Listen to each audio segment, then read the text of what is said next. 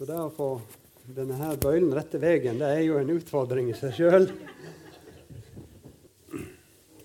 Men det er ikke den største utfordringen.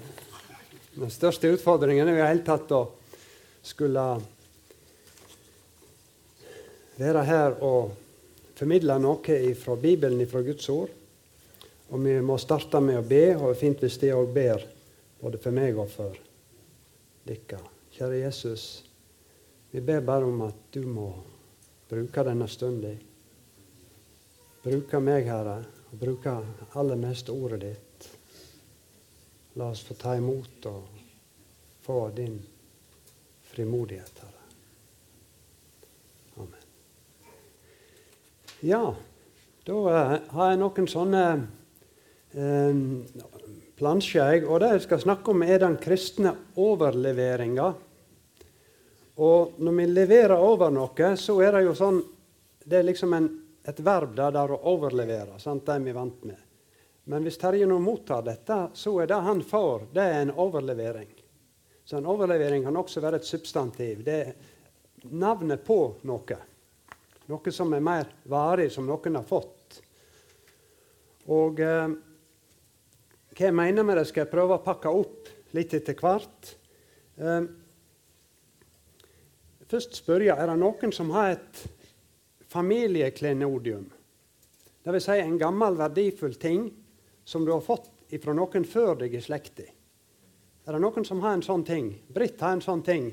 Marie òg, ja. Og nesten alle har en sånn sånt verdifullt arvestykke. Det har vi òg i vår familie. Jeg har bl.a. en kopp som jeg har fått etter min morfar. Som han brukte når han satt i fangenskap under krigen i forskjellige fengsel i Norge. Og det er knytta mange fortellinger til den koppen som han og enda mer mormor ga videre. Og når vi får en slik ting, et slikt arvestykke, så får vi òg en viktig oppgave. Og det er å ta vare på tingen og det minnet den representerer for etterslekta, for ettertiden. Nå kan vi få første bilde her. Den eldste tingen vi har i vårt hus for tiden, det er ei lita oljelampe som jeg har nå opp på et lite ark. Og Den fikk en av guttene våre til dåpen. Den var kjøpt av en antikvitetshandler i Jerusalem. Og Det fulgte med et sertifikat fra denne antikvitetshandleren om at oljelampen er fra helenistisk tid, en gang mellom år 300 og 100 før Kristus. Det var litt av å få. I dag skal vi se på et annet gammelt arvestykke, og da kan vi få neste plansje, som er nesten like gammelt. Ikke fullt så gammelt, men enda mer verdifullt. Og Teksten vi skal se på, er 1. Korinterbrev 15, 1-9. Og jeg leser den mens de kan følge med på skjermen. Jeg kunngjør dykk, søsken, det evangelium som jeg forkynte dykk, som de òg tok imot, som de òg står støve i. Ved det blir de frelste, så sant de held fast på ordet, slik jeg forkynte det for dykk. Ellers blir det til ingen nytte at de kom til trua. For først og fremst overgav jeg dykk det som jeg sjøl hadde mottatt, at Kristus døde for syndene våre, som Skriften har sagt, at han ble gravlagd, at han sto opp av tredje dagen, som Skriften har sagt, at han synte seg for Kefas, og deretter for de tolv. Så synte han seg for mer enn 500 søsken på en gang. De fleste av dem lever ennå, men noen har sovna inn. Siden synte han seg for Jakob, så for alle apostlene, og aller sist synte han seg for meg, jeg som bare er et ufullbåret foster. For jeg er den minste av apostlene. Jeg er ikke verdig til å kalles apostel, for jeg har forfulgt Guds kirke. Vi ser her i vers 1 at Paulus oppsummerer i, til menigheten i Korint. I dette nest siste kapittelet i første Korinterbrev så oppsummerer han forkynnelsen sin forkynnelsen sin, det han har kunngjort, gjort kjent. Og Sentralt i denne teksten er også vers 3 om at han overgav det som han sjøl hadde mottatt. Det er altså overleveringen. Han overleverte et arvestykke. Men det er en viktig forskjell mellom de tingene som vi arver, som før eller seinere vil ruste eller råtne bort eller bli knust, og dette arvestykket. For det her dreier seg om en verdifull budskap. Om den sier Peter i 1. Peter 1, 24-25 at mens gresset visner og blommen faller bort, så varer Herrens ord til evig tid. På samme måten som Peter i den teksten og ellers, så kaller Paulus budskapen sin for evangeliet. Og Dette ordet kjenner vi jo fra de fire evangelier osv. Men det betyr godt budskap. Og det står i leksikon at det kan i antikk litteratur brukes om et seiersbudskap eller om kunngjøringen av en ny konges fødsel eller tiltredelse. Så det er virkelig ikke bare et budskap, men det er et budskap av en særlig rang. Det som jeg syns er veldig interessant med første Korinterbrev, det er at det er et av de skriftene i Det nye testamentet som ble nedskrevet aller først. En regner som sikkert at det ble skrevet i år 55 eller 56 etter Kristus, dvs. Si ca. 25 år etter Jesu død. Til sammenligning så ble Markusevangeliet skrevet ned ca. 15 år senere, i år 70, og Matteus- og Lukasevangeliet omkring år 80, regner nå bibelforskerne med. Måten som eh, vers 3-5 er sett opp på stilistisk i bibelteksten i Bibelselskapets utgave her, det indikerer òg at det dreier seg om et vers som Paulus siterer. Bibelforskerne mener at eh, Paulus her gjengir en hymne eller et lite trossammendrag som var vanlig å nytte i den tidlige kristne menigheten på den tiden. Det vi ser i denne teksten, er altså en bit av den helt tidlige felleskristne kristne, og først muntlige trosbekjennelsen som Paulus hadde fått overlevert. Når vi ser nærmere på det vitnesbyrdet som Paulus gir videre i disse versene, så står fire hendinger knyttet til Jesu liv helt sentralt. Jesus døde, han ble gravlagt, han sto opp den tredje dagen, og han synte seg for en rekke personer.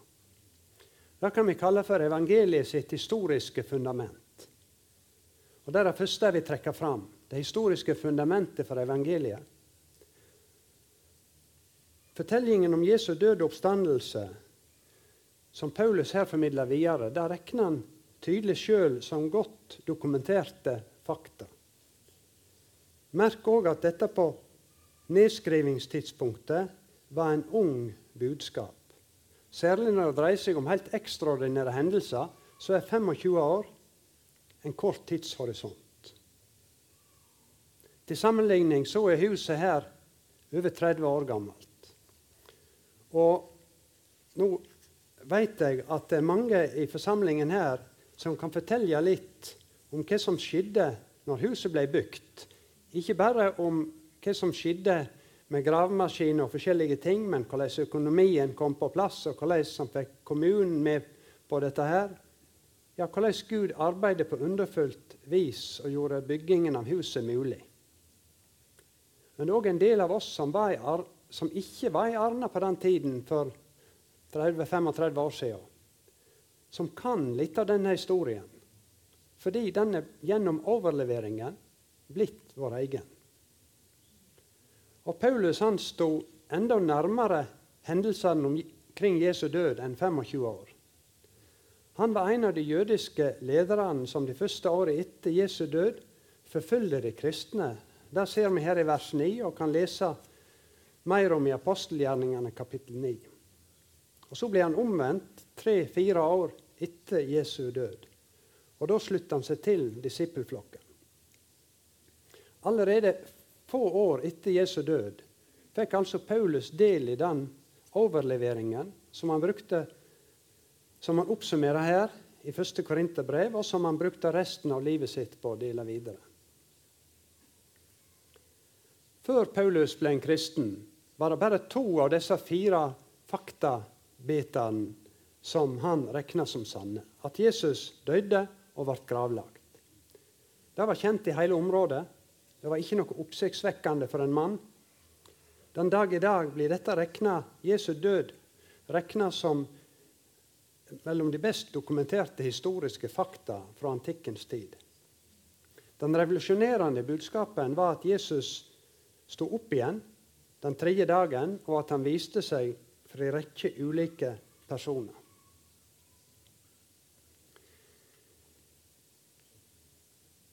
Som, men han nevner uh, ja. Og de han nevner her, det er Peter, Kefas, kaller han her, og Jakob, som var Jesu bror. Men han nevner òg mer enn 500 andre personer uten navn, bare at de var søsken, altså kristne. Og Så legger han til at de fleste lever ennå. Med det understreker Paulus til menigheten i Korint at dette er godt dokumentert. De kan bare spørre noen av de som enda lever. Slike som Peter som hadde møtt den oppstandende sjøl, kan vi kalle tidsvitner. Det uttrykket er blitt brukt i våre dager om de som opplevde konsentrasjonsleirene under den andre verdenskrig. Mange tidsvitner har reist med ungdomsgrupper og andre til Auschwitz og andre leirer, for der på stedet å fortelle om det de opplevde. Men i dag er de aller fleste tidsvitner etter holocaust døde. Men nå reiser andre generasjons tidsvitner med for å bære fortellingene videre. De som hadde en far eller en mor eller en bestefar som var der og har hørt deres fortelling. For det er slik at når du blir godt kjent med en person, og merker at personen er troverdig i det han sier, så vil du òg tro på det han forteller, eller det han fortalte om hendinger som du sjøl ikke har opplevd. Vi vet fra apostelgjerningene kapittel 9 og 10 særlig at Paulus hadde nær kontakt med apostlene. Paulus hadde altså fått overlevert budskapen for en rekke tidsvitner og var sjøl et andregenerasjons tidsvitne til Jesu oppstandelse. Men hadde Paulus noen god grunn til å tro på disse tidsvitnene? Vi kan heller si det slik at han hadde veldig gode grunner til ikke å tro på dem. For det første var det jo en helt ekstraordinær budskap de hadde. For det andre hadde ikke Paulus noen egeninteresse i å hevde at Jesus hadde stått opp igjen. Han var en framstående jødisk religiøs leder. Han hadde nok både status og materiell velstand, og disiplene sin budskap den trua statusen hans. Dessuten hadde han vært med på å lede forfølgingen mot de første kristne, og bl.a. godkjent drapet på Stefanus. Så det mest naturlige av alt ville være å rettferdiggjøre handlingene sine med at budskapen var oppspinn og løgn. Men i stedet så snudde Paulus helt om, trodde på disiplene sitt vitnesbyrd og ble et viktig andregenerasjons tidsvitne. Men hva skjedde så med Paulus? Det blir òg forklart i teksten vår. I vers 10 sier Paulus at aller sist synte han seg òg for meg. Og etter dette evangeliets historiske fundament så er det det andre vi peker på. Peter, nei, Paulus hadde eget, sin egen selvopplevde erfaring med Jesus med den oppstandende, som han bar videre. Hvordan det skjedde, kan vi lese videre om i apostelgjerningene kapittel 9. Paulus han var på vei til Damaskus med ordre om å føre alle kristne der i lenke tilbake til Jerusalem. Så strålte det plutselig et brått et lys fra himmelen omkring han. Han stupte til jorda, hørte en røst som sa:" Saul, Saul, hvorfor forfølger du meg? Og Paulus spør da, hvem er du, Herre? Og han får svaret, 'Jeg er Jesus, han som du forfølger. Stå opp og gå inn i byen. Der skal de si deg hva du skal gjøre.' Og Så følger de som var med han, denne nå blinde Paulus, inn til byen. og Det står at han satt der i tre dager og verken åt eller drakk.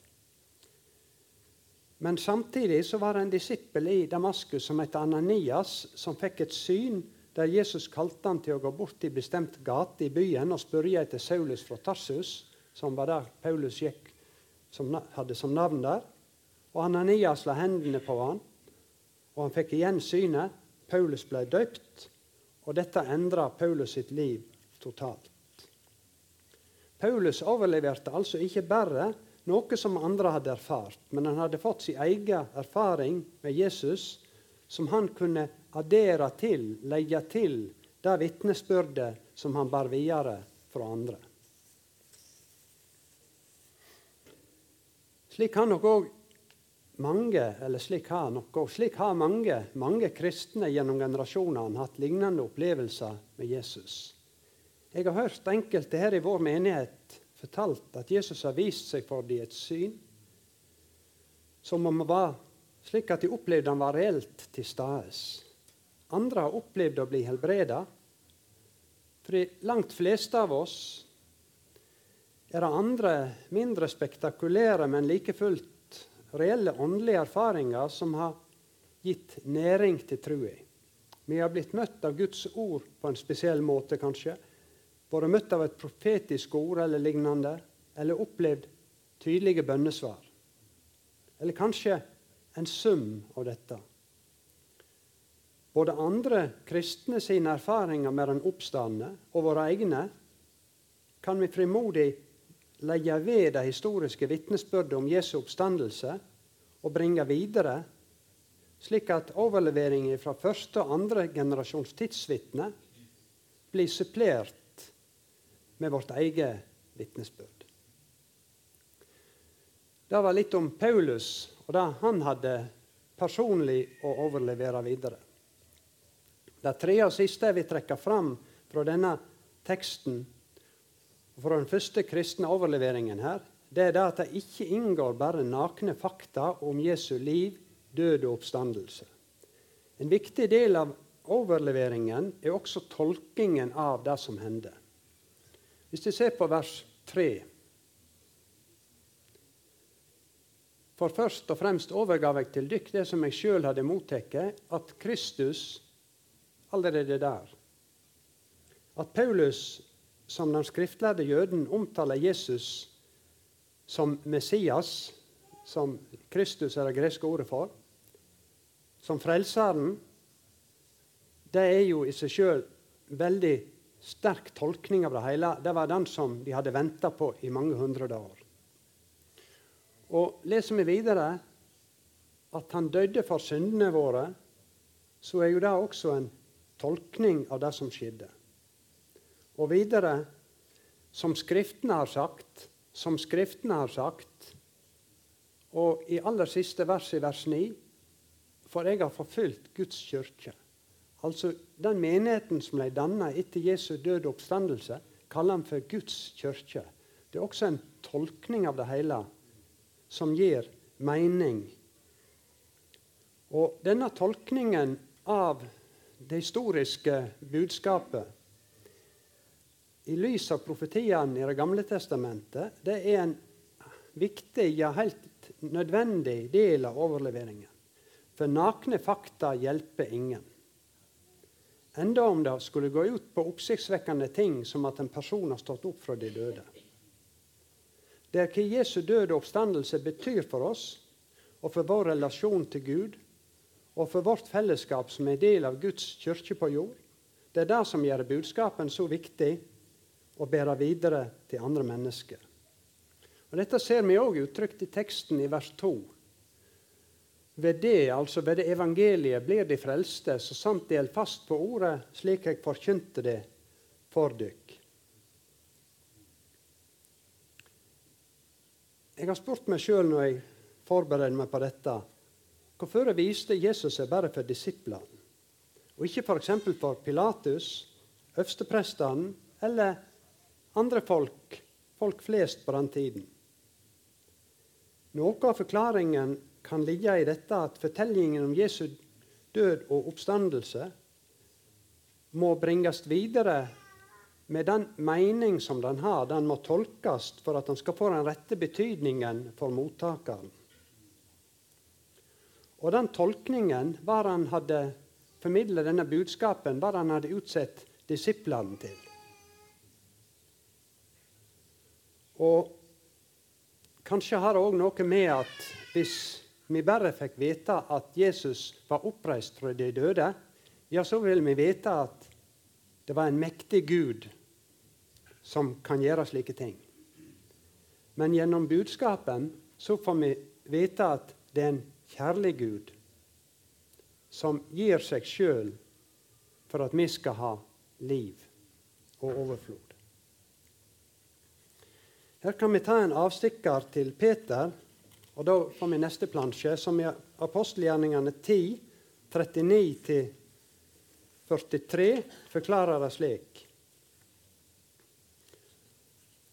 Han som de hengde på et tre og tok livet av, han reiste Gud opp av tredje dagen og let han syne seg, ikke for hele folket, men for de vitner som Gud på førehånd hadde valgt ut, for oss som åt og drakk i lag med han etter at han hadde stått opp fra de døde. Og han bød oss forkynne dette for folket og vitne at han er den som Gud har sett til dommer over levende og døde.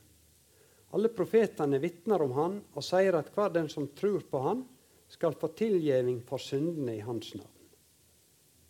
Her ser vi tydelig at Peter han gir videre den samme tolkningen av disse historiske hendelsene som da Paulus formidla til menigheten i Korint. Og det er denne tolkningen altså som gir de historiske fakta mening også i dag. Og Da kan vi ta med det som Johannes skriver i slutten av Johannesevangeliet om hvorfor han har skrevet ned dette evangeliet. Disse tegnene er nedskrivne for at de skal tro at Jesus er Messias, Guds sønn, og for at de som tror, skal ha liv i hans navn. Så la meg oppsummere helt kort. Troen vår baserer seg på historiske fakta, slik de er gitt videre av troverdige, første og andre generasjons tidsvitner. Samtidig gir disse fakta bare mening og blir til liv for oss når de blir tolka i lys av Det gamle testamentet og apostlene sin egen forklaring og utlegging av det som hendte. Vi som har fått del i overleveringen, kommer til tro på budskapen. Vi har all grunn til å være takknemlige for dette og dele det med andre. Og du som har opplevd dine egne møter med den oppstandende på den ene eller andre måten, skal være takknemlig for det og frimodig dele det med andre. Og Da skal jeg lese et ord til avslutning, og det er fra 1. Peter 1, vers 3-5. Lova være Gud, vår Herre Jesu Kristi Far, Han som i sin store miskunn har født oss på nytt til ei levende von ved Jesu Kristi oppståelse fra de døde. Han har født oss til en arv som aldri forgår, aldri blir skitna til og aldri visner. Denne arven er gjemt i himmelen for dykk, det som i Guds kraft blir haldne oppe ved tru, så de når fram til frelsa. Kan vi få det aller første bildet, det med oljelampen igjen? Når Steinar talte her før jul, før jeg gikk på møtet, så så jeg på den oljelampen. Og de veit hva en oljelampe betyr i Bibelen. Det gjelder å ha olje på lampen. Og det er det bare Gud som kan gi. Så vi skal avslutte med å be. Kjære Jesus, takk for at du er den oppstandende. Og takk, Herre, for at du kan fylle olje på lampene våre og holde oss oppe i trua på deg. Takk, Herre, for at du kan bruke mennesker som oss til å bringe budskapet om deg og din kjærlighet videre. I Jesu navn.